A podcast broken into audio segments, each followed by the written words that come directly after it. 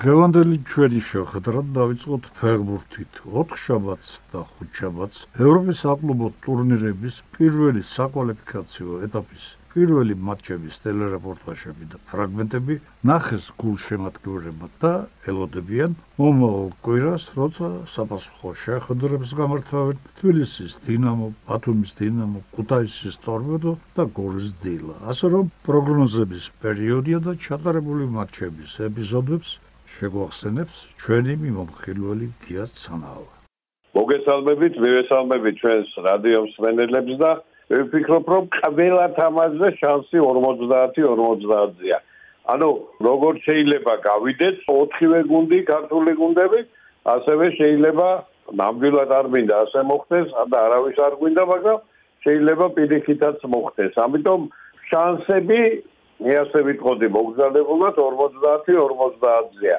მე ორი თამაში ვნახე, ნახე თბილისის დინამოს თამაში ასტანაში და ვნახე ბათუმის დინამოს თამაში პირანაში და ჩემას მოგახსენებ თბილისის დინამო თუ გავითვალისწინებთ იმას რომ სეზონი ჩვენთან ჯერ არ დაწყებულა და მოსაზრებელი პერიოდი მიდის აა ფიქრობ რომ თუდად არ ითამაშა ირიქით მომენტებიც მქონდა და სიმართლე გითხრათ მე უფრო უფრო სულ თამაშს ველოდი იმიტომ რომ დიდი ხანია გულს არ უთამაშია რამოდენიმე ახალი ფეხბურთელი მოვიდა ასევე გამოვთქვა ჩემი მოსაზრება რომ ძალიან დიდი შენაძენია თბილისის დინამოსთვის გიორგი ლორია არის დარაჯი რომელმაც არაერთხელ იხსნა ასტანაში დინამო და მე ვფიქრობ რომ მისი თამაში გარკვეულწილად ძალიან დიდ გავლენას იქონიებს იმაზე რომ დინამომ წარმატებას მიაღწიო თბილისში ძალიან დაძაბული შეხვედრა იქნება ერთით ერთი ეს გამარჯვებას არ ნიშნავს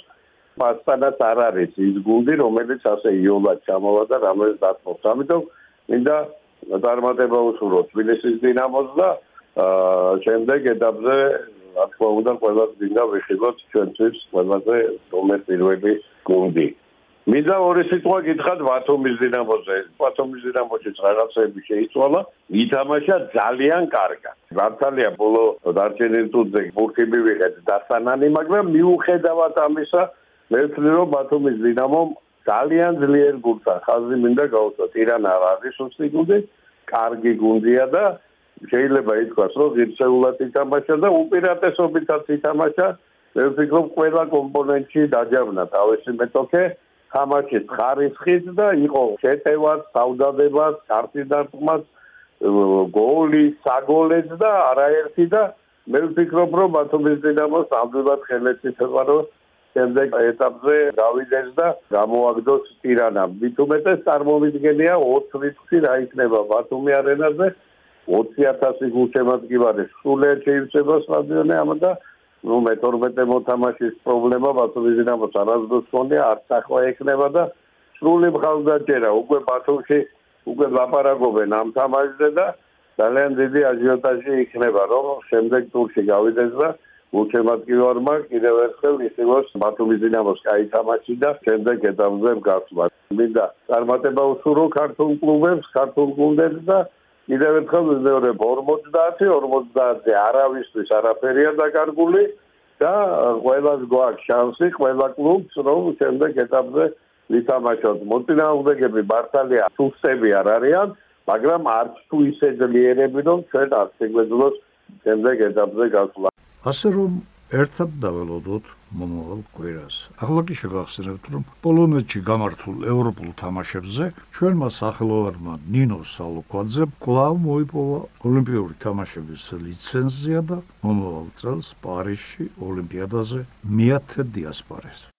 მე მახსენდება ტოკიოს ოლიმპიურ თამაშებამდე და შემდეგ ნინო სალოკვაძესთან შეხვედრები. მეცხრე ოლიმპიადა ვინმესთვის შეიძლება იოლად სათქმელი იყოს ბევრ გულშემატკივარს გონიათ რომ ეს ლიცენზიებს მაინც აიღებს ესე არ არის ყოველ ოლიმპიადიდან ოლიმპიადამდე იცვლება წესები რთულდება და ბოლო ოლიმპიადებმა გვაჩვენეს რომ ძალიან ბევრი კარგი სპორტსმენი ოლიმპიური თუ მსოფლიო ჩემპიონი დარჩნენ ლიცენზიების გარეშე. ოლიმპიურ თამაშებზე მოხვედრა კი ყველა სპორტსმენის ოცნება ალბათ ეს არის ბოლო უმაღლესი საფეხური კარიერაში და იქ მედლის აღება ოლიმპიურ თამაშებზე კი ეს უკვე ღვთის დაბოძები წყალობაა.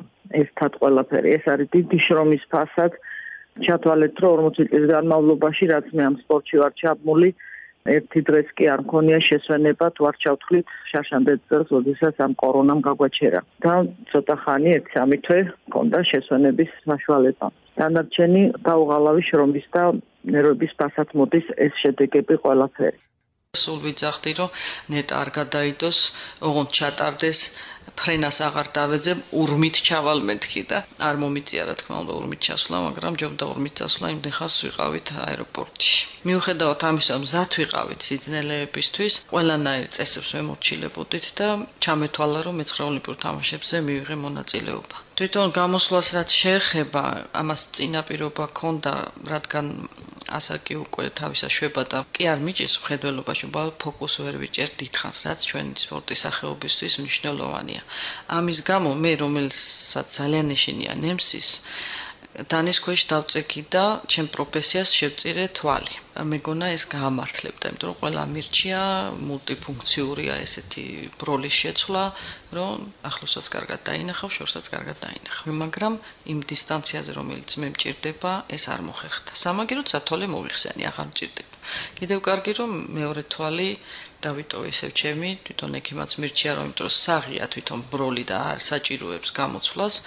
და ეხლა მიწევს ეს იგი მარცხენა თვალით. მერ წელიწადში გადავეწყვე ყველანაირად და ძალიან რთულია ეს პროცესი, სხვანაირი ტექნიკა გჭირდება, მიუხედავად იმისა, რომ ფსიქოლოგიად მიუდგია მას და შეძლო. პირველ დღეს რო გამოვდიოდი, ძალიან გამიკვირდა, რომ დახურულტეში ჩაატარეს 25 მეტრიანი შეჯიბრი. ყოველთვის ღიატერში ტარდება, არა მარტო ოლიმპიური თამაშები, ყველა შეჯიბრი.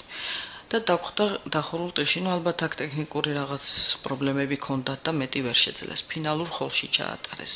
ხელოვნურ განათებაზე უფრო რთულია ხომ ხედველობის გაკონტროლება ვიდრე ბუნებრივ განათებაზე. ამას ახსნა არც ჭირდება. და პირველი ნახევარი რო ვისრო ზუსტად მაგას ვამბობ, რომ 10 გასროლაში დავკარგე 6 მინუსი 6 ცხრიანი მქონდა 10 გასროლიდან. ამის შემდეგ შეიძლება იფიქროს სპორტსმენმა რაღაცზე ვიბრძოლო და ჩაალაგოს იარაღი და წავიდეს სახში, როდესაც დარჩა დანარჩენი 50 გასროლა. შემდეგი 20 გასროლაში სამი დაკარგვა მქონდა ლიდერებში ვიყავი. მეორე დღეს ვისროდი შავ ფონზე რომელიც არის ჩქაროსნული სამ წამში რომ და ისროლო და მთლიანად შავი ფონია და აი აქ უკვე იმ დახურული ტირის აი მე კი არ ვაბრალებ და მიზეს არ ვეძებ. ჩემი ბრალია მაგრამ მე ყველაფერი ვცადე და გამოვცადე დამერწმუნედ ვიბრძოლე ბოლომდე ბევრი თქვენთაგანი, რომლებიც ახლა გვისმენენ, ალბათ ფიქრობს, რომ ტოკიოში მიღებული გადაწყვეტილება ასპარეზზე და წასვლის შესახებ წარუმატებლობას მიუჩვეულმა ნინო სალუკვაძემ ნაჩქარევად ცხელგულზე მიიღო.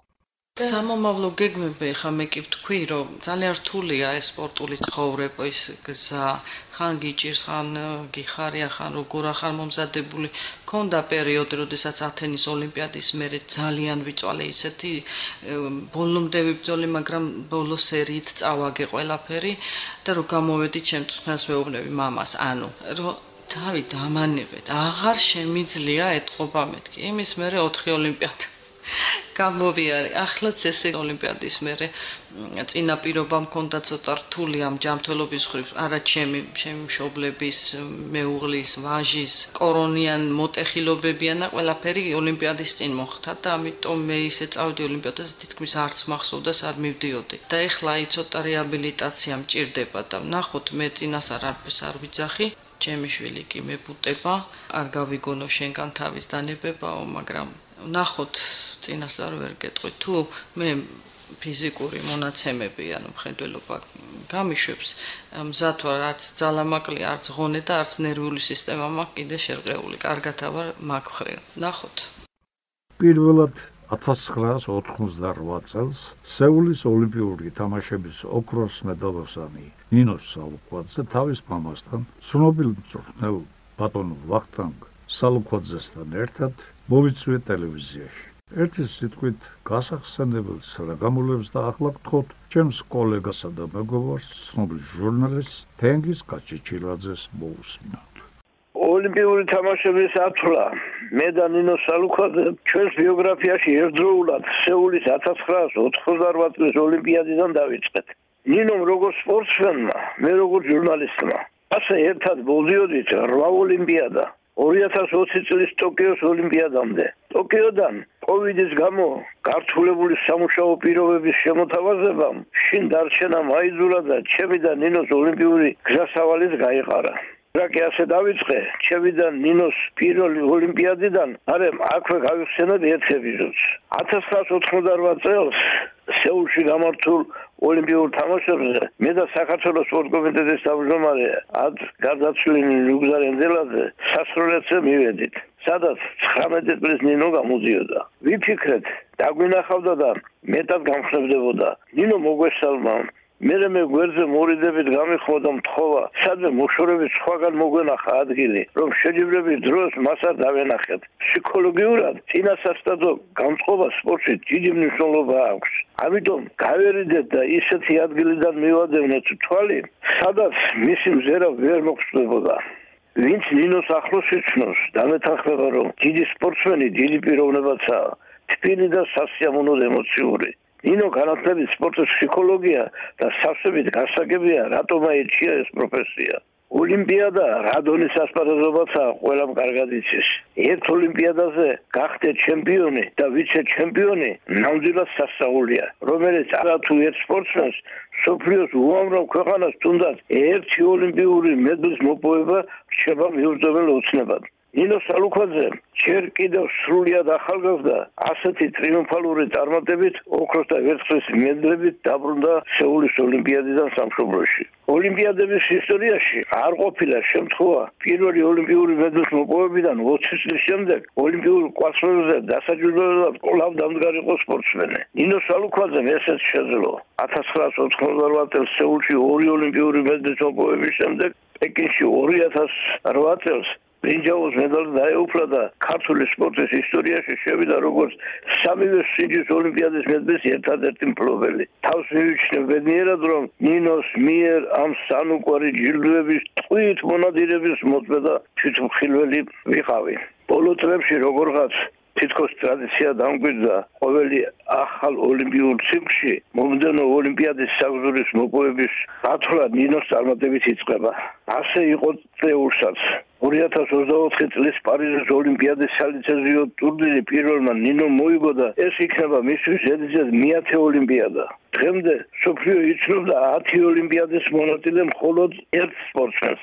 ამიერიდან კი კანადელს ხენოსან იან მილართან ერთად უკვე ქართულ ნინო სალუკოზესაც მოიხსენიებენ. ნინო ერთადერთია საქართველოს სპორტსმენებიდან, რომელსაც ყველაზე ტიტულოვან ასპარეზობებში წარმატებით აქვს მიღებული მონაწილეობა. არ დარჩენილა სპორტული შეჯიბრება, უმაღლესი მიღწევებით არ შესულიყო მის ბიოგრაფიაში. ამასთან ის არის რეკორდების რეკორდსმენი, ყველაზე მეტი რაოდენობის ჯილდოების და პრიზების მფლობელი, საპატიოტოდებების გამორჩეული კავალერი. ბრაზილიაში რიოში 2016 წელს გამართულ ოლიმპიურ თამაშებზე დიდი აჟიოტაჟი გამოიწვია ცნობამ, როდესაც გაირკვა, რომ თანამედროვე ოლიმპიური თამაშების ისტორიაში სარბიელზე პირველად გამოდიოდა დედა და მისი ვაჟიშვილი. იშვიათია და მხოლოდ რჩეულთა ხვედრია, ერთდროულად იყო აქტიური სპორტსმენი, სპორტის ხელმძღვანელი მუშაკი და საქმით მისი დაუღალები პროპაგანდისტი. ნინო სალუქაძე დიდი ხანია ყველაფერს ისე მიზანსრაფულად არცევს თავს, როგორც ეს ჩვევია სპორტული ასპარეზობისას. იანვარის საქართველოს ეროვნული ოლიმპიური კომიტეტის ვიცე-პრეზიდენტი, სროლის სახეობათა ფედერაციის პირველი ვიცე-პრეზიდენტი, აქვს საკუთარი ტირი და კლუბი, სადაც უკვე აღიზარდნენ ეროვნული ნაკრების წევრები. 2021 წლის 29 სექტემბერს სპორტის მუზეუმის დირექტორად დაინიშნა. ნინო არის პირველი ქართველი ოლიმპიური ჩემპიონებიდან, რომელმაც ჩემი თხოვნით დრო გამონახა და ილიას უნივერსიტეტში ერთობლივი ლექციის ჩატარებით უდიდესი სიხარული და სიამაყე განაცდებინა სტუდენტებს სპორტის მომავალ სპეციალისტებს. უნდა ვაღიარო რომ ნინომ საბოლოოდ მეც მაჯობა 2024 წლის ოლიმპიადაზე ვეღარ ვიქნები მასთან ერთად, მაგრამ მის მსგავსად მეც მყავს მემკვიდრე და სიხარულით წასვეწევი თუ თამაშებზე ჟურნალისტად აკრედიტებული ჩემი შვილის შვილი თორნიკე გაჩეჩილაძე ჩვენი ლეგენდის ახალ წარმატებას გაუწყებს პარიზიდან. მას მომავალ შეხვედრამდე ძირფასო მსმენელო მადლობა ყურადღებისთვის